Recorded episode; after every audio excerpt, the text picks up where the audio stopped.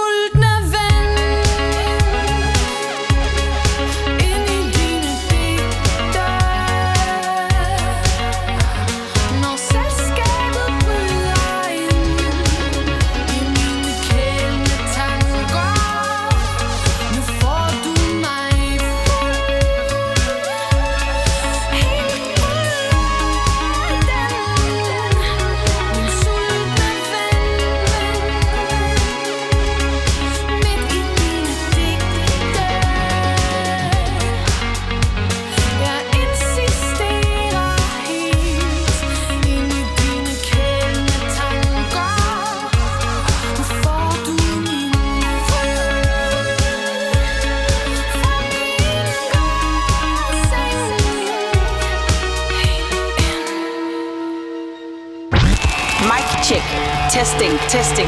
One, two, one, two. The sex beat. Hey, der derude. Check, check, check. Mere monitor. Monitor, monitor, monitor.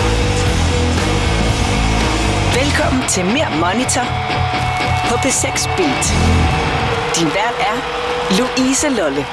Kære lytter, hjertelig velkommen indenfor til to timers kredsen for det univers, der opstår, når at kunstner møder publikum, nemlig selvfølgelig live-musikken.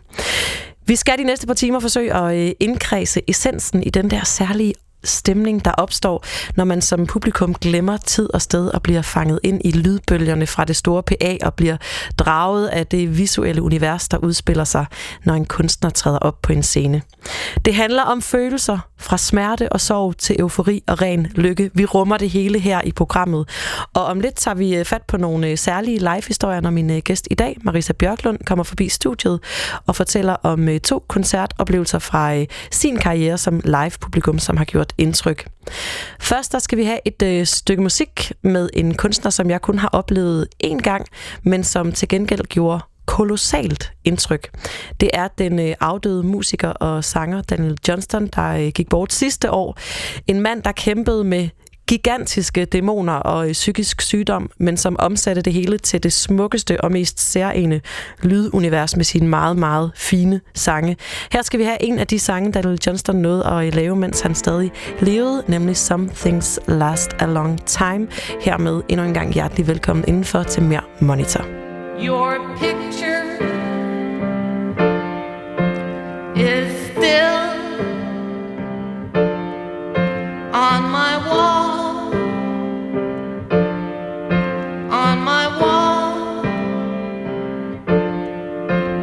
The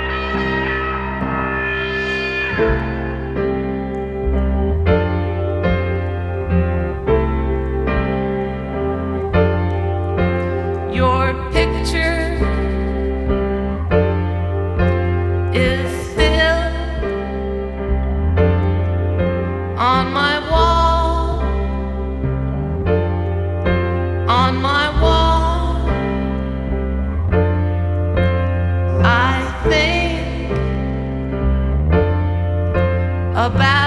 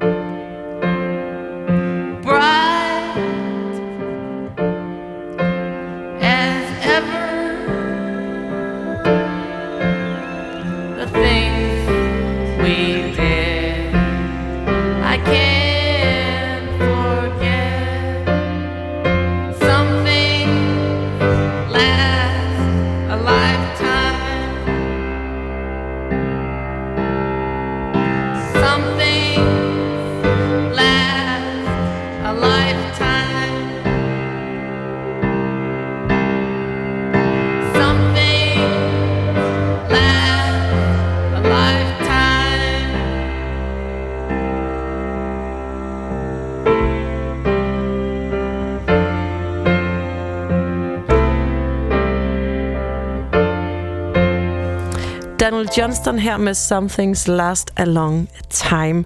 Nu har jeg fået fint besøg her i studiet. Jeg har nemlig fået besøg af P6 Speedlytter og koncertgænger Marisa Bjørklund. Velkommen til, Marisa. Marisa, du er øh, 24 år gammel, og øh, til daglig der læser du øh, kommunikation på Danmarks Medie- og øh, Journalisthøjskole. Mm. Det skal ikke handle om Journalisthøjskolen i dag, selvom at det øh, helt sikkert er et dejligt sted, hvor jeg også har slået mine folder tidligere hen. Men i dag der skal det handle om øh, live musik, og vi skal snakke om et par koncertoplevelser, som øh, du har taget med, som har gjort stort indtryk øh, på dig. Vi tager fat øh, på den første med det samme. Det er øh, med Den Sorte Skole, som du oplevede på Roskilde Festival tilbage i 2017, hvor de øh, gav koncert på Orange Scene mm. med et, tør jeg godt sige, storstilet liveshow og helt unikt konstrueret til, til lejligheden. Marisa, inden vi sådan, dykker ned i den her konkrete koncert, kan du så ikke starte med at sætte et par ord på dit forhold til Den Sorte Skole og, og deres musik? Jo, det kan du tro. Øhm, ja, mit forhold til den sorte skole, det går tilbage til sådan 2013-2014, øh, hvor jeg, sådan, jeg begynder sådan at lægge mærke til, at der er nogen, der hedder den sorte skole. Mm. Øhm, og det er, sådan, det er nogen, der sådan, de har jo været der i min bevidsthed på en eller anden måde. Øhm, men det er der, jeg ligesom, jeg bliver introduceret til dem øh, gennem min kæreste. Mm. Øh, og han spiller noget, og jeg, jeg sådan, ja, det lyder, det lyder mega fedt det her, men jeg kan ikke sådan helt øh, øh, forholde mig til det sådan helt ægte endnu. Øhm, og det var så åbenbart øh, de live-oplevelser, jeg, jeg senere hen fik, der, der ligesom gjorde det.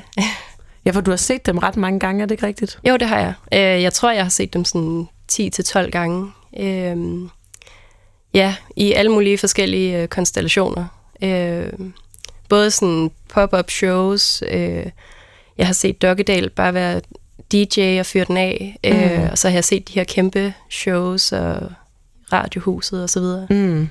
Og du oplevede dem så på, øh, på Roskilde Festival i 17, men det var noget med i 2013, hvor de også spillede, der spillede de så godt nok på Arena. Ja, Der ærgerede du dig lidt, fordi du ikke fik koncerten med. Er det ikke rigtigt? jo. Øh, jamen det var sådan noget... Igen, jeg havde, jeg havde set dem på plakaten, og jeg havde hørt igen, at der var nogen, der hed Den Sorte Skole, der, der spillede, og, og det var sådan, åh, skal man se, hvad det er? Skal man, skal man få det gjort? Øh, og så, som så mange nok godt kender, så ender man med bare at tage, tage de oplevelser, der nu er på Roskilde, mm. øh, og gå de veje, som, øh, som Roskilde nu fører en til. Mm. Øhm, Og så sker det nemlig tit, man kommer hjem bagefter, og så finder man ud af, fuck, jeg er lige gået glip af årets koncert, fordi jeg valgte at gøre noget andet. Lige ja. præcis. Og jeg kan, ikke, altså, jeg kan ikke engang huske, hvad det var, jeg på vej hen til. Altså, Mm. jeg kan ikke huske, hvad det var, der var så vigtigt. Øh, Nej. Så jeg gik glip af den koncert. Øh, og det var jo lige der, da de, havde, de kom ud med lektion 3, Mm. øh, som mm. bare var, det var det, mit, øh, ja, mit hjerte ligesom... Øh, Som du havde lyttet til rigtig meget. ja, lige præcis. Ja. Nu nævnte du lige øh, Simon Dokkedal, at du har set ham øh, DJ øh, bare sig selv. Den sorte skole består jo netop af, af ham og så Martin Højland, som altså begge er producer, komponister og, mm. og DJ's. Hvad er det, de her to gutter kan, synes du, som er så genialt? Øhm, jamen, det er jo det her med, at de, de samler jo øh, en masse øh, vinyler. Altså på helt old school manér, så er det jo det Mhm. her øh, øh, turning tables. Øh, de står ægte og vender plader. De lader ikke bare som om, øh, og de finder al den her øh, verdensmusik. Øh, og de inspirerer på et, et helt absurd højt niveau øh, med deres viden inden for at, øh, at vende plader. Øhm, og ja, så, så skaber de bare en oplevelse gennem det, øh, de står og DJ'er Mm. mm. med. Øhm, det synes jeg er ret imponerende af sådan to øh, gutter der. Og at det på en eller anden måde også bliver lidt ægte, netop fordi de ikke bare sætter en USB til, og så øh, står og, og danser op på scenen, men at de rent faktisk står og gør mange af tingene live. Ja, lige præcis. Mm. Mm. Ja. Marisa, det er øh, fedt at have dig i studiet og høre dig fortælle om øh, Den Sorte Skole, og vi skal selvfølgelig øh, snakke meget mere om dem, fordi vi skal dykke ned i den koncert, som det så lykkedes der at se på Roskilde Festival, nemlig i, øh, i 2017, hvor de altså så spillede på Orange Scene. Inden vi når så langt, så skal vi spille et nummer med den gode Simon Dokkedal og Martin Højland, a.k.a. Den Sorte Skole. Jeg vil rigtig gerne have spillet en live-optagelse med dem, men det er ret komplekst, fordi der er virkelig mange rettigheder at tage hensyn til. Netop som du siger, så sampler de fra alle mulige forskellige, så det, det kan være ret svært at finde, finde et nummer, som, øhm, som, man kan, øh, som man kan spille fra en live-koncert. Og så er det også bare lidt blasfemisk at klippe brudstykker ud fra sådan et godt sammensat DJ-sæt, som de jo er vanvittigt gode til. Mm. Til gengæld, så skal vi i stedet have et øh, lækkert nummer fra det album, du har talt om et par gange her, nemlig Lektion 3, som øh, udkom i 2013. Her skal vi have Den Sorte Skole med Reforme.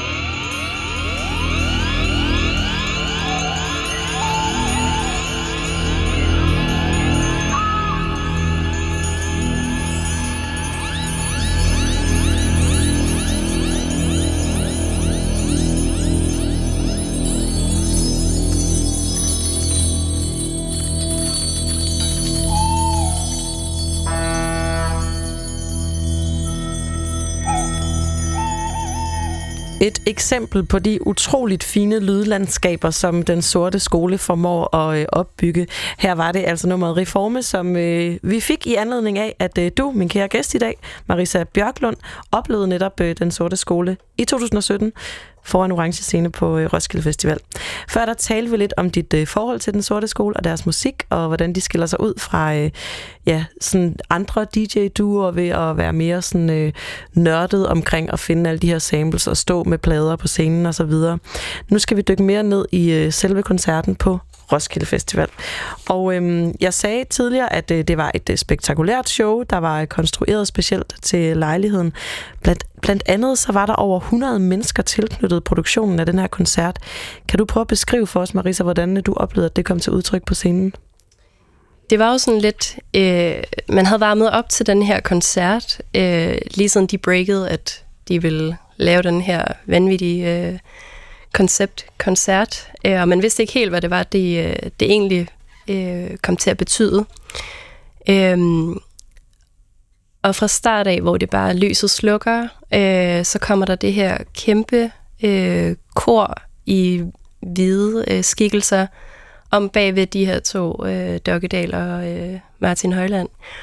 Øhm, og så tager det bare fart. Altså, det er sådan, jeg kan ikke engang beskrive sådan, hvad der så altså en til en skete efter det. Øhm, det var bare, så kom der nogle vanvittigt dygtige dansere ind, og der kom en masse gæsteoptrædener ind, øh, og det var bare som om, at det, ligesom deres musik, så smeltede det hele bare sammen. Mm. Øhm, Det så var var man virkelig blev smukt. virkelig sådan suget ind i det der univers lige fra, fra første, første sekund-agtigt. Ja, det gjorde man virkelig. Øhm, ja. Og et er, at der var rigtig mange mennesker på scenen. Der var også rigtig mange i publikum, som der jo er, når at, øh, der er et øh, stort navn på Orange Scene. Cirka 50.000 publikummer var, mødt op, til trods for, at der var øh, ret regnfuldt øh, på det her tidspunkt, hvor mm. den sorte skole spillede. Hvordan var det, øh, altså nu siger du, du kan ikke sådan huske konkrete detaljer, men hvordan, når du tænker tilbage på stemningen og stå der i regnen sammen med så mange mennesker og blive grebet af det her elektroniske musik, kan du prøve at sætte nogle ord på det? Øhm, jamen altså egentlig så var det jo ret sjovt, at jeg havde faktisk lidt glemt, at det, det regnede den nat, øh, selvom man egentlig skulle tro, at det havde kæmpe betydning. Øh, men det havde det egentlig ikke. Øh, det er bare at stå der og, og nyde den her øh, kæmpe oplevelse sammen med så mange mennesker. Øh, det rørte mig faktisk ret meget. Øh, jeg stod i pitten øh, op foran, øh, og kunne ikke helt fornemme, hvor mange mennesker der egentlig var til stede. Jeg tænkte sådan, at det er nat, og der, der kommer nok ikke så mange, og der var ikke rigtig nogen af, af, sådan, af mine venner, der kendte dem. Øh, men det der med, at man bare kunne mærke sådan, man kunne mærke den energi fra publikum, og man kunne mærke det øh, fra, øh, fra scenen. Øh, det rørte mig ret meget, at vi, at vi ligesom var så mange, der var fælles om at stå til den her koncert. Øh, og se Og blive revet med. og blive revet med. Ja. Lige præcis. Er der nogle øh, særlige øjeblikke, som du sådan trods alt kan, kan huske, når du tænker tilbage på, øh, på koncerten i dag? Øhm, jamen, jeg kan jo huske, at der var jo blevet varmet rigtig meget op til, øh, især med det her øh, track nummer 5, som øh, er meget øh, populært. Øh, også blandt dem, der ikke kender den sorte skole så godt. Øh, men der var blevet varmet lidt op til, at åh, det kunne da være fedt, hvis, øh, hvis Malte Coyne lige kom ind og, mm. øh, og fyrede den af. Øh, så da, da Blaze B og øh, 2T de kom ind på scenen, der gik det jo helt amok. Og mm. det var jo bare, altså, de havde lavet den her helt vanvittige øh, drum and bass udgave, som bare lukkede øh, koncerten af på den vildeste manér. Så hvis ikke stemme, stemningen i forvejen var høj, så, så steg den altså til, til nye højder på det her tidspunkt i koncerten. Altså, jeg har aldrig oplevet noget lignende Ej, hvor fedt. som der. Åh, oh, det er så dejligt, når man bliver ramt af den der vilde energi til en live-koncert. Jeg forestiller mig, at man også må have det ret vildt efter sådan et øh, bombardement øh, af indtryk og oplevelser. Hvordan øh, havde du det efter øh, den her koncert? Øhm, jamen, jeg, jeg, jeg husker det som, at jeg var ret høj på de her øh, oplevelser, øh, og på de her indtryk. Altså, der var jo som, så kæmpe et show, og hele det her lysshow, det havde jeg aldrig set på øh, Orange Scene før. I hvert fald ikke, hvor det fungerede så godt, som det gjorde. Øhm, men udover det, altså, så regnede det jo, så altså, jeg, jeg tror, at jeg egentlig nok bare er gået hjem øh, i, mit, i mit våde telt og prøvet at få mit, alt mit regntøj af øh, mm. og få en, øh, en nogenlunde nat, mm. øh, hvad der nu var tilbage af den. Øh, men jeg, jeg, jeg husker også et eller andet med, sådan at når, når jeg kommer fra sådan nogle her koncerter, så vil jeg bare ikke have, at, at det slutter. Nej. Øh, og selvom den varede jo, jeg tror, den varede to timer, den her koncert, øh, så vil jeg bare ikke have, at det sluttede. Nej. Den, den skal, det skal bare blive ved. Det skal bare blive ja, ved. Fordi det er så rart at være Ja, i det der. Ja. Marisa, det lyder som en øh, vildt fed oplevelse, du havde der der foran Orange i 2017, og øh, vi kunne også fortsætte, fortsætte den her snak endnu længere, er jeg sikker på. Men det går ikke. Vi skal til at tage afsked med øh, Den Sorte Skole, og det gør vi selvfølgelig med Maner. Vi skal øh, have et øh, fantastisk remix af øh, hippieklasseren herfra, hvor vi står fra Den Sorte Skoles album Lektion 2 fra 2008. Her får du Mix 18. thank you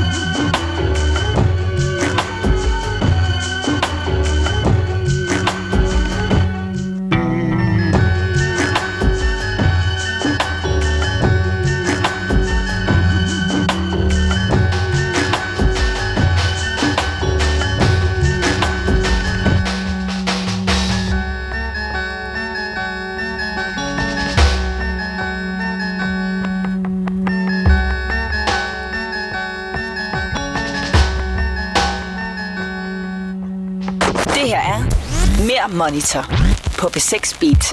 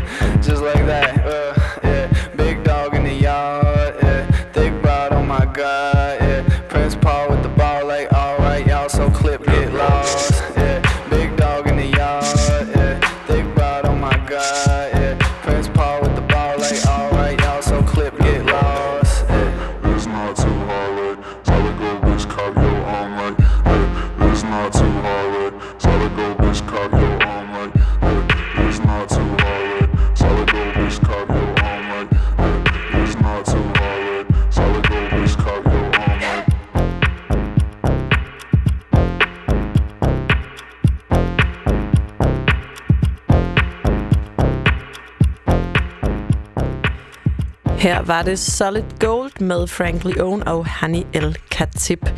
Nu skal det handle om øh, en anden koncertoplevelse, fordi jeg har nemlig stadigvæk øh, besøg af dig, heldigvis på 6 Marisa Bjørklund. Og før der snakkede vi om øh, dit koncertminde med Den Sorte Skole, som du så på Roskilde Festival i 2017. Det lød fuldstændig som en formidabel oplevelse, du havde der i, øh, i pitten i regnvejret. Vi bliver på øh, Roskilde Festival. Det skal handle om øh, New Order. Dem så mm. du på Arena på festivalen året før, nemlig i 16. Kan du prøve øh, først at beskrive, hvad det er ved New Orders musik, som, øh, som tiltaler dig? Jeg tror først og fremmest, at det er det her med, at New Orders musik, det er ikke noget, man, man, man sådan bare lige øh, sætter på, øh, når man lige sådan har brug for et eller andet baggrundsstøj. Det er noget musik, man sådan man skal investere lidt mere i.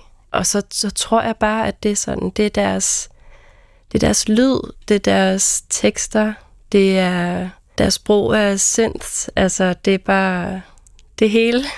Og hvad var det så? Du, du oplevede dem jo så på, på øh, Roskilde, hvilket øh, var en stor oplevelse, derfor du har taget den med til os i dag. Men hvad var det ved den her koncert, som, som gjorde så stort indtryk på dig?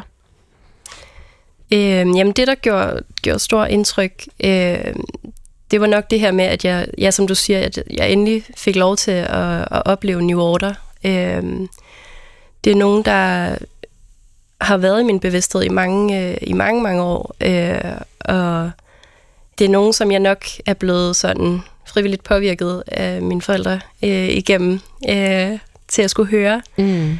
Øh, og det er stadig lidt en sejr, at jeg faktisk har oplevet dem, fordi at min egen far har ikke set dem endnu. Ah, fedt. så det er lidt sådan en, der vandt jeg. Mm. Øhm, men, øh, men det her med, at, at, jeg, at jeg, jeg tror, jeg havde for, forberedt mig på, at der ville være rigtig mange netop fra min forældres generation, der skulle op og se den her koncert. Mm. Øh, og det var sådan, jeg skulle nærmest tvinge øh, folk til at tage op og se New Order, fordi at det var virkelig vigtigt, at de skulle se den her mm. koncert. Mm. Øhm, og jeg endte så med at få indoktrineret min kæreste til at, øh, til at høre New Order inden, så han gerne vil med øh, ind og se dem. Øh, og vi endte så med at tage til den her koncert, hvor der faktisk var overraskende mange på vores alder. Mm. Øhm, og jeg mødte også, jeg endte med at faktisk at møde nogle venner blandt publikum, øh, og, og jeg tror bare, det var det her med sådan, at, at der var forskellige aldre øh, blandt publikum, og vi stod der alle sammen, og, og havde ligesom det her fællesskab, øh, Mm. ja, På tværs arenaen. af ja, aldre. Ja. ja, lige præcis. Og det er jo øh, med det sagt netop, at det er et band, der, der har været der i rigtig mange øh, generationer. Jo ikke et, et helt ungt band stadig, men kunne de stadigvæk øh, levere på scenen, eller hvordan? Ja, det synes jeg helt klart, de kunne.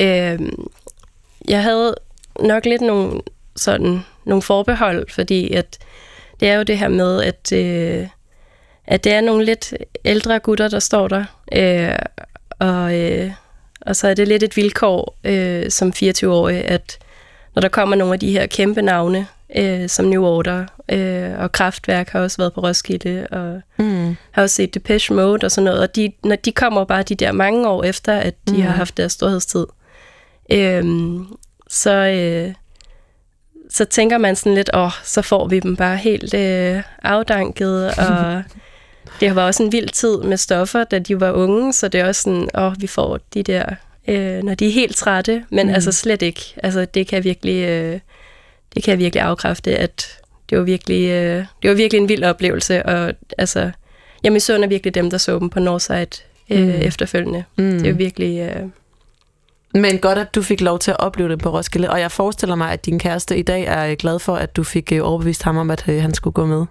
ja, det er han. Fedt, Marisa. Det har været skønt at høre dig fortælle om de her øh, koncertoplevelser, og øh, jeg håber selvfølgelig, at der venter der mange flere rigtig fede live-koncerter derude i fremtiden. Til at spille dig ud med, der har jeg været så heldig at finde en live-optagelse med øh, New Order fra den koncert, du så på Roskilde Festival i 2016. Vi skal have dem med Ceremony. Og så vil jeg ellers bare sige øh, tusind tak, Marisa Bjørklund, fordi du kiggede forbi i dag. Selv tak.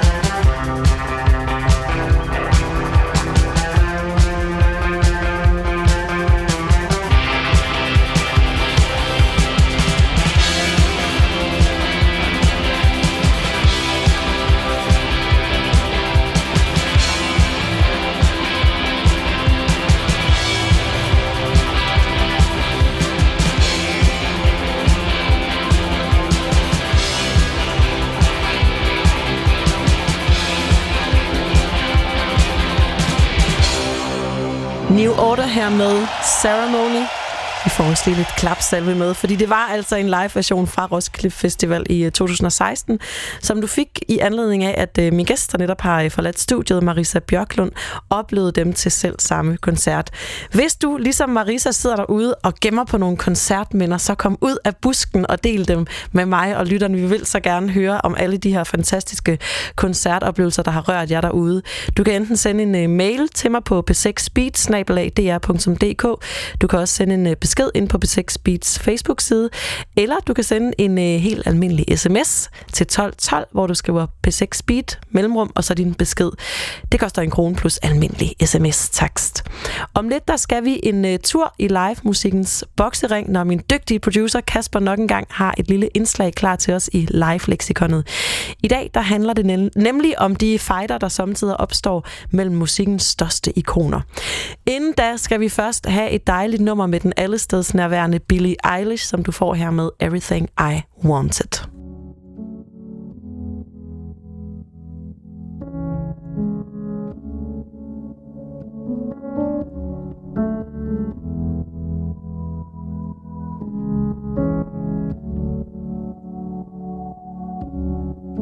I had a dream. I got everything I wanted. Not what you think. And if I'm being honest, it might have been a nightmare to anyone who might care. Thought I could fly. So I stepped off the golden.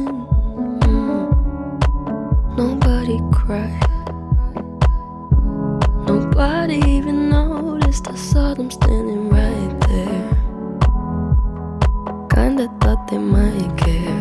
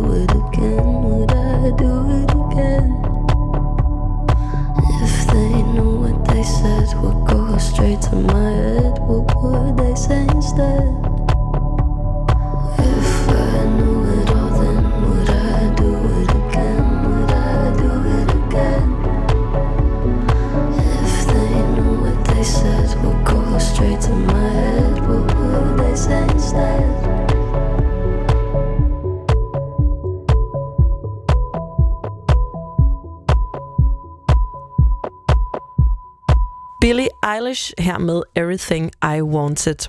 Nu skal vi til denne uges live lexikon, hvor min kære producer Kasper har lavet et lille indslag fra live-musikkens verden. Denne her gang skal det handle om de beefs, som øh, populære musikere har det med at få skabt imellem hinanden. Der er et væld af konflikthistorier, som er øh, vildt underlige, vildt vilde eller slet og ret bare vildt sjove. Så hen over de næste par uger, der vil du altså øh, få serveret flere af de her kontrovershistorier. Og i dag, der starter vi øh, på toppen med to af rockens største helte og rivaler. Kære lytter. Hvor der er musik, er der også musikere, som ryger i totterne på hinanden. Sådan har det altid været. Selv helt tilbage i 1700-tallet, hvor der opstod dramatiske kontroverser mellem den klassiske italienske komponist Antonio Salieri og den yngre og nyskabende Wolfgang Amadeus Mozart. Der kan være mange grunde til, at musikere ryger i flæsket på hinanden. Det kan være over stilistiske forskelligheder, eller fordi de simpelthen bare ikke kan lide hinanden. Særligt egoer spiller ofte en stor rolle i mange famøse musikalske opgør, og samtidig er der egentlig rimelig gode grunde til, at to musikere bare ikke kan døje hinanden. Andre gange, til gengæld, opstår der nogle super underlige stridigheder, som enten er akavet eller decideret unødvendige, mens andre bare fortsætter i overvis. Og i dag og de næste kommende gange her i live-leksikonet, kære lytter, vil jeg give dig en række eksempler på nogle af de mere unødvendige og mærkelige opgør, der har været gennem tiden musikere og musikere imellem. Vi starter med en af de nok mest veldokumenterede fighter i rockmusikkens historie, nemlig fighten mellem Nirvana og Guns N' Roses.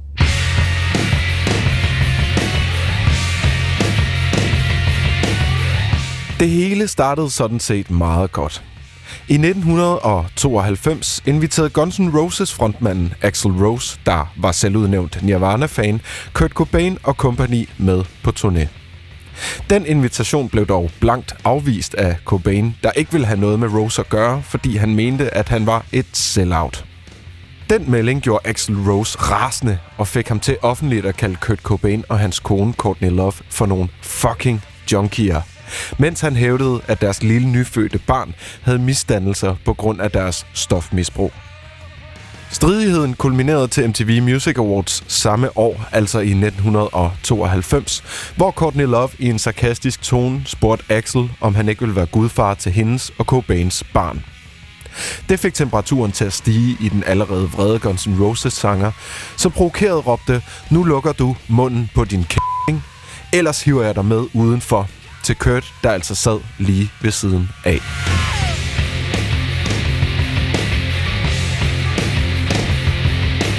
Heldigvis nåede det aldrig til håndgivning.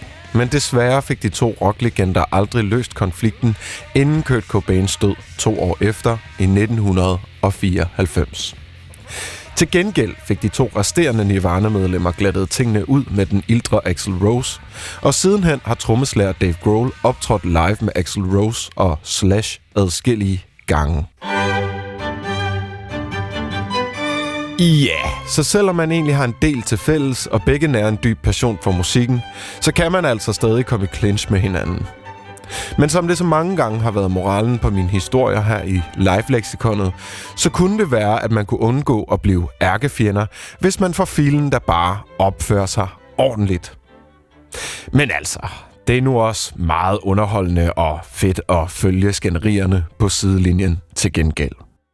Ja, heldigt for øh, alle os, der øh, følger med på sidelinjen, at der findes øh, de her vanvittige kontroverser imellem nogle af de største kunstnere i rock- og pophistorien. Vi tager altså fat på flere kontroverser de, de følgende uger her i Mere Monitor. Om lidt, kære lytter, så er der en radiovis radioavis på vej i din retning. Inden da, der tager vi et stykke live musik. I dag har det været øh, svært at vælge, hvorvidt det skulle være Guns N' Roses eller Nirvana, men så alligevel. Vi skal have en øh, live-optagelse med Nirvana. Op til en radioavis får du derfor her Nirvana live fra Amsterdam tilbage i 91 med Lithium.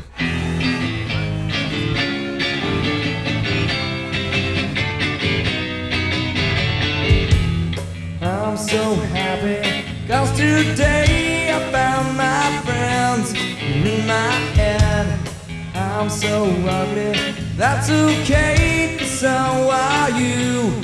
Look, I'm Sunday mornings every day for all I care. I'm not scared, light my candles in our days, cause I found God. Yeah.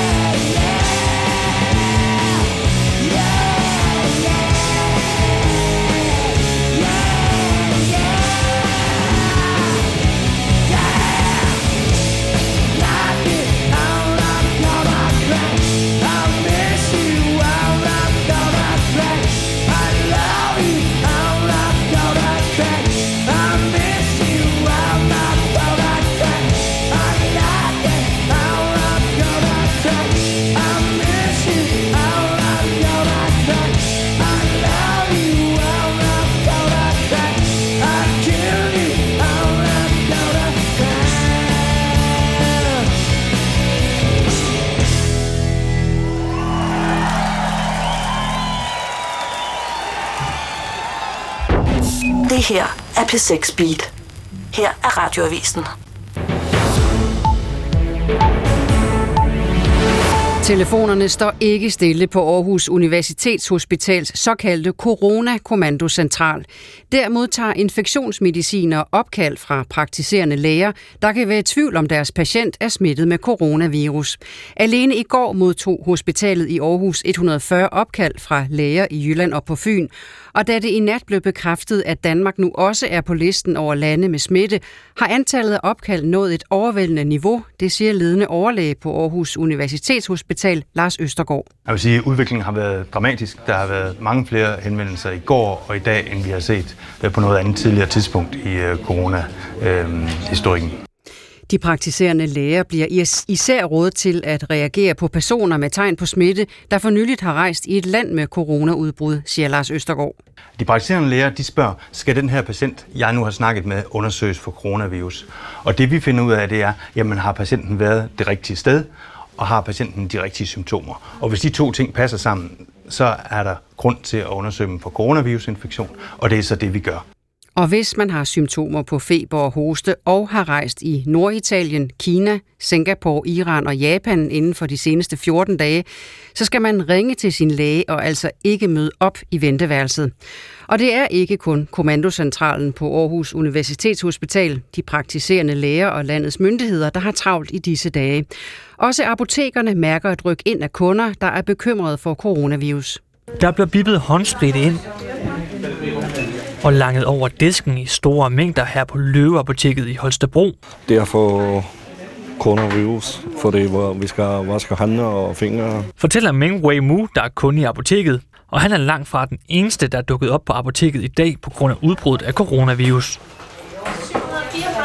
Siden coronaviruset er begyndt at sprede sig, har spørgsmålene fra kunderne været mange, fortæller Birgitte Nørskov Pedersen, der er apoteker. Der kommer rigtig mange kunder og spørger til, øh, om vi har mundbind.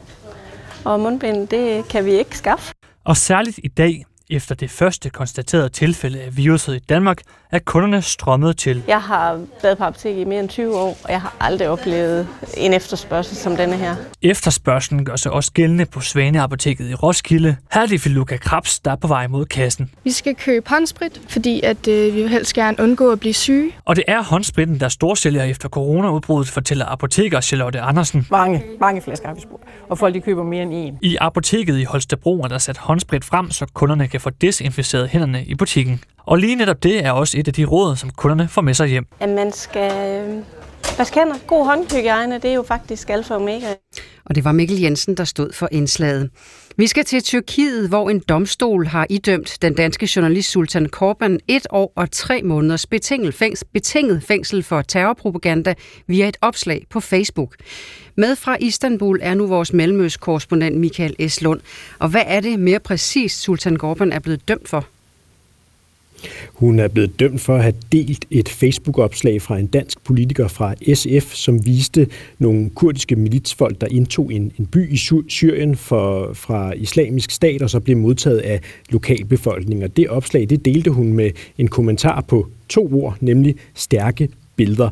Og det var altså nok ifølge øh, domstolen til at dømme hende for terrorpropaganda, fordi Tyrkiet ser den gruppe, den kurdiske milits i det nordlige Syrien, som en terrororganisation. Så hun fik altså et år og tre måneders betinget fængsel for det. Jeg synes, det er en øh, ret langt ude dom, og det er jeg altså ikke den eneste, der synes, øh, journalister uden grænser og den internationale organisation, de har i dag været ude og fordømme den her dom og sige, at det er et slag for ytringsfriheden i Tyrkiet.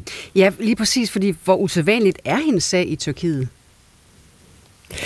Det er ikke usædvanligt, at tyrkiske journalister bliver dømt for den her slags, altså enten for terrorpropaganda eller for at fornærme præsident Erdogan. For eksempel, det der er lidt usædvanligt i den her sag, det er, at det er en udenlandsk journalist, det går ud over. Sultan Choban, hun er altså ikke tyrkisk statsborger, hun er dansk statsborger. Der plejer udenlandske journalister at være mere frede, men jeg tror simpelthen, det her handler om, at hun har tyrkisk baggrund, og derfor ser øh, tyrkerne hende som en, en, en tyrkisk journalist, og så har hun altså været igennem retssystemet på, på den her måde. Øh, for os udenlandske journalister, ja, så bliver vi ofte bare nægtet pressekort og bliver, bliver smidt, smidt ud af landet i stedet. Vejrudsigten den står på lidt byer, der kan være med slud eller tøsne, 2-6 grader og svag til jævn vind, mest fra sydvest eller vest. Det var Henrik Hinscheli, der redigerede radiovisen, og mit navn er Anne Mette Philipsen. Velkommen til, til B6 Beat.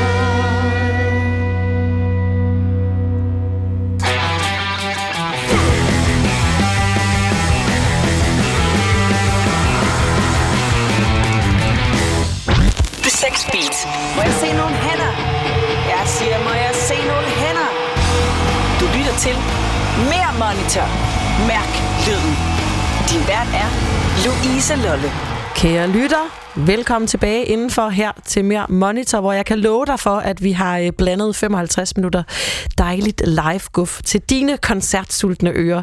I den her time, der skal det blandt andet handle om øh, den i gåseøjne sidste koncert fra et af nullernes mest fremtrædende elektro-rock-bands. En kæmpe koncert, kan jeg godt øh, allerede nu afsløre. Vi skal også øh, forbi koncertnyt med kanadiske Rye, og så skal vi runde denne uges live-guld. Inden vi når så langt, så skal vi først have den seneste single fra danske Kellermans, som er tilbage, og det er dejligt, at de er det. Du skal få dem her med Nothing, og dermed endnu en gang hjertelig velkommen indenfor til mere Monitor.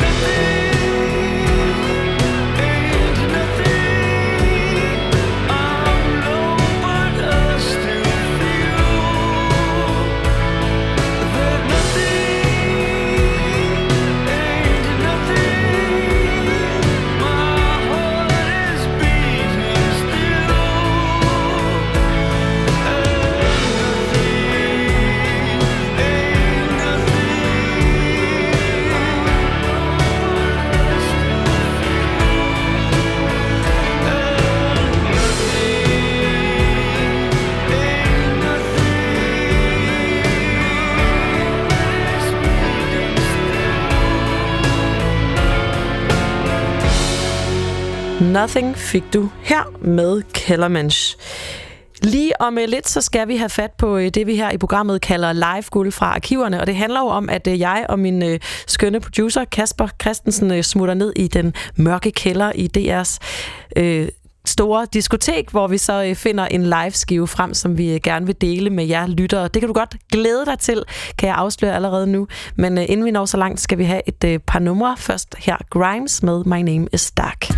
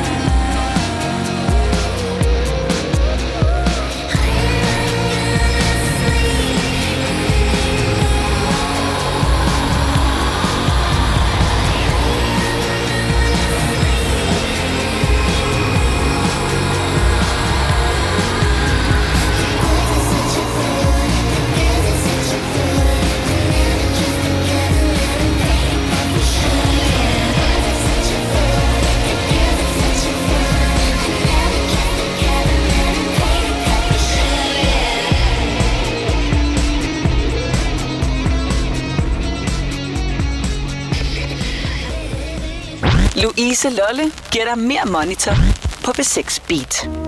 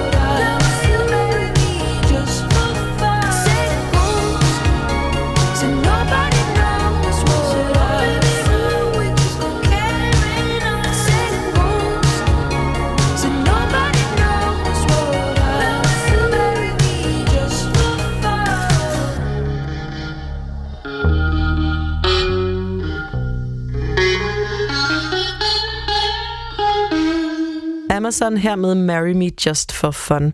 Nu skal det handle om noget af det mest værdifulde, der findes, nemlig live guld. Det er sådan, at øh, min producer Kasper og jeg, som jeg fik fortalt før hver uge, går ned i DR's kæmpestore diskotek her i øh, DR-byen. Og øh, der er altså et øh, gigantisk musikarkiv, som blandt andet også indeholder live musik, og der øh, finder vi så en øh, live-skive frem hver uge, som øh, i vores optik er noget helt særligt. Den liveplade, vi har gravet frem fra hylderne til dig i dag, det er live at Sheer Stadium med The Clash, som blev udgivet i 2008. I The Clash's bagkatalog er der kun to live-album, nemlig Live at Sheer Stadium og From Here to Eternity Live. Og de er begge så perfekte, at det lige så vel kunne være den ene som den anden, vi havde valgt til denne uges live-guld. Når vi nu alligevel har valgt Live at Cheers Stadium, så er det, fordi det simpelthen er en fantastisk vellydende optagelse fra en enkelt koncert i 82, hvor bandet var på deres absolute højdepunkt. Det hele fandt øh, sted, som øh, pladens navn antyder, i Sheer Stadium i New York den 13. oktober i 82, hvor The Clash skulle være support for bandet The Who, under hvad der viste sig at være en ud af mange senere afskedsturnéer for de gamle rocktravere. Det var en mildest talt våd og regnfuld aften, da The Clash gik på scenen i det store stadion for at vise de mange fremmødte tilskuere deres berettigelse som et af Londons allerstørste punk-eksportvarer. Og når man lytter til albummet, så må man altså bare sige, at den mission, den lykkedes til UG. Efter ordene Welcome to the Casper Club fra frontman Joe Strummer ligger bandet hårdt fra land med det energiske åbningsnummer, åbningsnummer London Calling. Herefter begiver de sig ud i en øh, kavalkade af nogle af deres mest velkendte numre, såsom Rock the Casper, Train in Vain og Should I Stay og Should I Go. Alle sangene bliver leveret med sådan en kraft og indlevelse, at bandet synes at være en flok flade Duracell-kaniner, da de når til koncertens sidste nummer, I Fought the Law. Det er altså intet mindre end fantastisk at lytte til et band, som spiller røven ud af bukserne, og hvor man kan høre, hvor meget de bare elsker at indtage en scene, og så endda som opvarmningsband. Det er fucking sejt. Det er i al sin øh, enkelhed, hvad The Clash formår på øh, live at Sheer Stadium. Selvom det er et øh, magisk livealbum, så blev optagelserne gemt og glemt i Joe Strummers hjem, indtil han øh, faldt over dem igen hele 25 år senere. Det var heldigt, at han gjorde det, for det betyder, at vi i dag kan lytte til det her album, og at vi kan udnævne Live at Shears Stadium med The Clash som ugens live her i Mere Monitor. Fra den eminente live-skive skal du få åbningsnummeret fra koncerten i Shears Stadium i øh, 82, og i øvrigt et af Clashes helt store numre, nemlig London Calling. Welcome to the Casbah Club.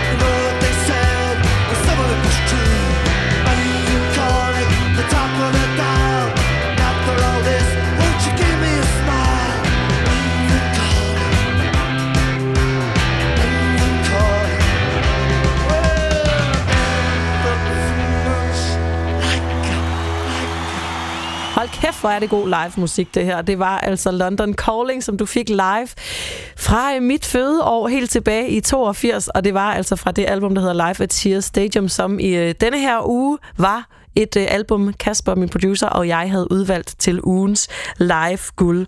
Lige om lidt, så har jeg øh, koncertnyt til dig, kære lytter. Inden da, der tager vi War on Drugs med Under the Pressure.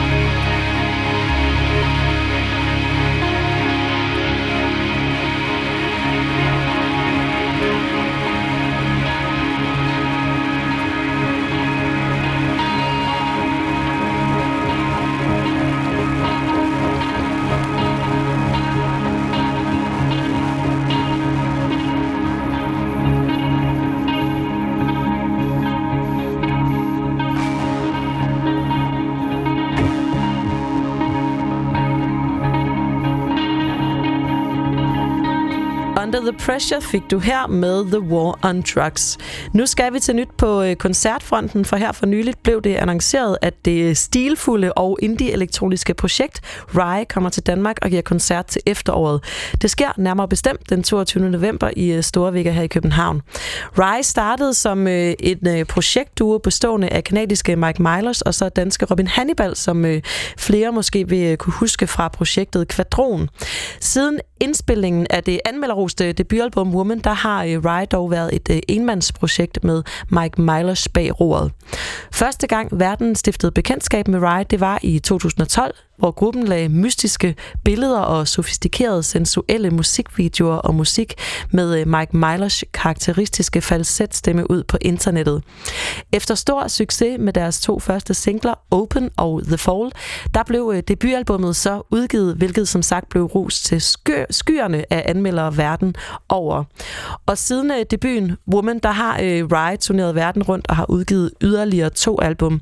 Henholdsvis det længe ventede Blood i 2018 2018, som igen var en anmelder succes, og dernæst det øh, klaverfokuserede projekt Spirit, der udkom allerede i øh, 2019, og som øh, fejrer den fine magi, der er i blide øjeblikke i samarbejde med Olafur Arnolds, Doveman og Dan Wilson.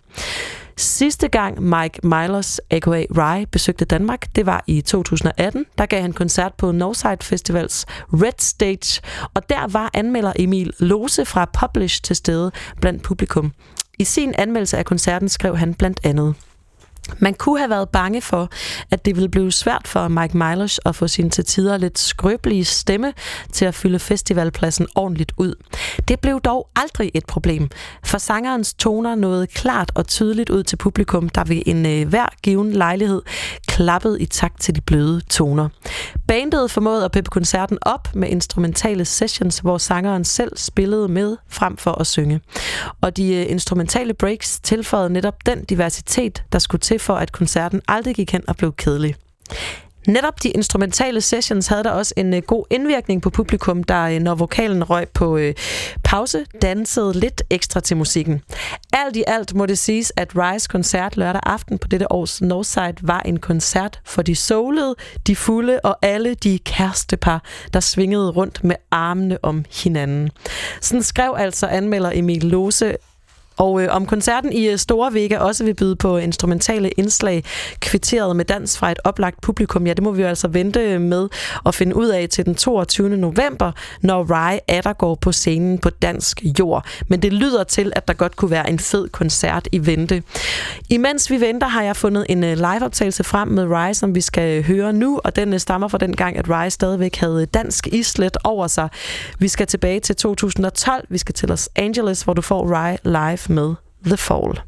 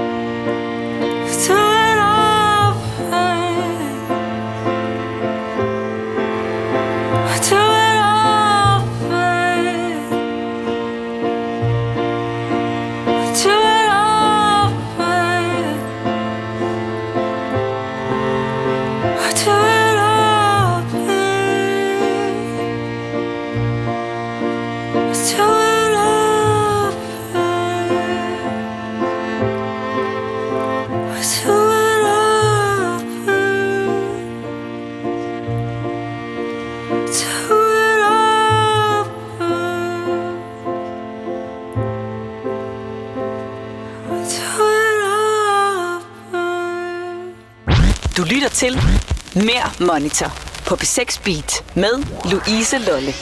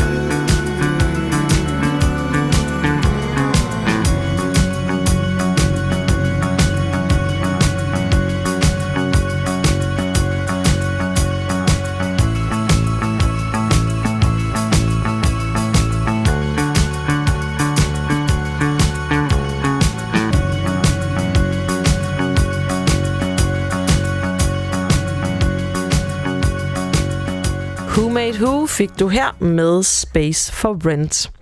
Den 2. april 2011, der gik LCD Sound System på scenen i Madison Square Garden i hjertet af bandets hjemby, nemlig New York, for at give, hvad de havde proklameret som værende deres sidste koncert nogensinde. Billetterne, da de blev sat til salg, blev derfor også revet væk i løbet af blot få sekunder. Det galt såvel online som fysisk salg. Tusindvis af fans havde siddet i kø på nettet i timevis, mens andre havde øh, camperet ude i kulden foran indgangen til øh, The Mercury Lounge på Manhattan, hvor de håbede på at få fingre i de fysiske billetter, som der altså var sat til salg. Det var med andre ord at tale om en øh, kæmpestor begivenhed, som ingen ville gå glip af. I forbindelse med den øh, udsolgte øh, afskedskoncert opstod der en øh, massiv hype, og mange begyndte at spekulere i, om nogle af de utallige samarbejdspartnere, som bandets frontmand James Murphy gennem årene har samarbejdet med, både som medmusiker og producer, ville dukke op på scenen. På dagen for koncerten, der sad folk i kø allerede fra morgenstunden uden for Madison Square Garden for at få sig en god plads inde i arenaen. Og de fleste publikummer havde levet op til den dresscode, der var angivet på billetten, nemlig kun sort og hvidt tøj. De, der ikke havde fulgt påklædningsreglerne, de stak derfor ud. Efter en øh, længere opvarmning med interviews af bandets fans på en stor videoskærm, herunder et interview med komikeren og skuespilleren Aziz Ansari, der gik LCD Sound System langt om længe på scenen, og de gav den hele armen og mere til for den udsolgte arena. It's your show, råbte Murphy ud til publikum, inden han og resten af bandet begav sig ud i en 3,5 timer lang maratonkoncert, hvor bandet spillede numre og hits fra hele deres bagkatalog. Under den massive hype inden koncerten havde rygterne sviret om, at øh, Daft Punk ville dukke op og give et nummer. Det gjorde de ikke. Til gengæld fik LTD Sound System besøg af et væld af andre musikere på scenen, såsom Reggie Watts, bandets originale guitarist Phil Mossman og Arcade Fire, som kom ind og sang med på nummeret North American Scum. Med på scenen var også et større kor, en øh, hornsektion og et vakkeltvogn rumskib som kulisse. Alt sammen noget, som LCD Sound System havde fået stablet på benene i løbet af de to måneder, de havde haft fra annonceringen af koncerten og til at begivenheden skulle finde sted. Jeg troede virkelig, at det ville blive en enormt trist aften, udtalte bandets keyboardspiller og korsanger Nancy Wang senere til Rolling Stone Magazine og fortsatte. Men det endte med at være helt vildt sjovt. Man kunne virkelig mærke energien fra publikum i rummet, og de dansede sig til noget nær udmattelse. Aftenen kulminerede med en øh, snestorm af hvide ballonger, som dalede ned fra taget i Madison Square Garden, og det satte et øh, punktum for, hvad Rolling Stone Magazine senere beskrev som den bedste begravelse nogensinde. LCD Sound System Laser dog som bekendt ikke helt i graven alligevel. For i 2015 der blev bandet gendannet, og i 2017 udgav de så albummet American Dream. Men ikke desto mindre var afskedskoncerten i New York en så mindeværdig oplevelse, at adskillige anmeldere, der var med blandt publikum, ikke tøvede med at øh, spå den som en koncert, der ville gå ned i live-musikkens historiebøger. Og til at slutte dagens udgave af Mere Monitor af med, skal du selvfølgelig få en live-optagelse fra koncerten. Vi skal altså have LCD Sound System live her fra Madison Square Garden i 2011 fra deres på det tidspunkt sidste live-koncert med nummeret All My Friends. Og dermed, kære venner, tak fordi I lyttede med til Mere Monitor i dag.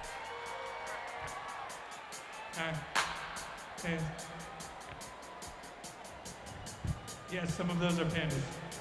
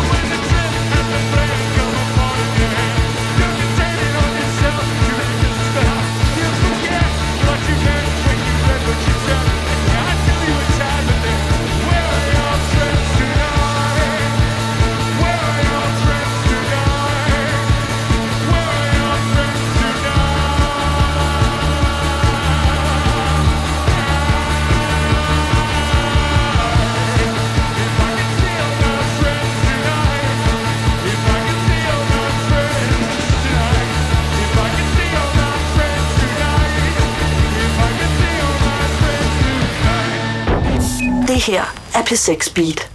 Her er radioavisen.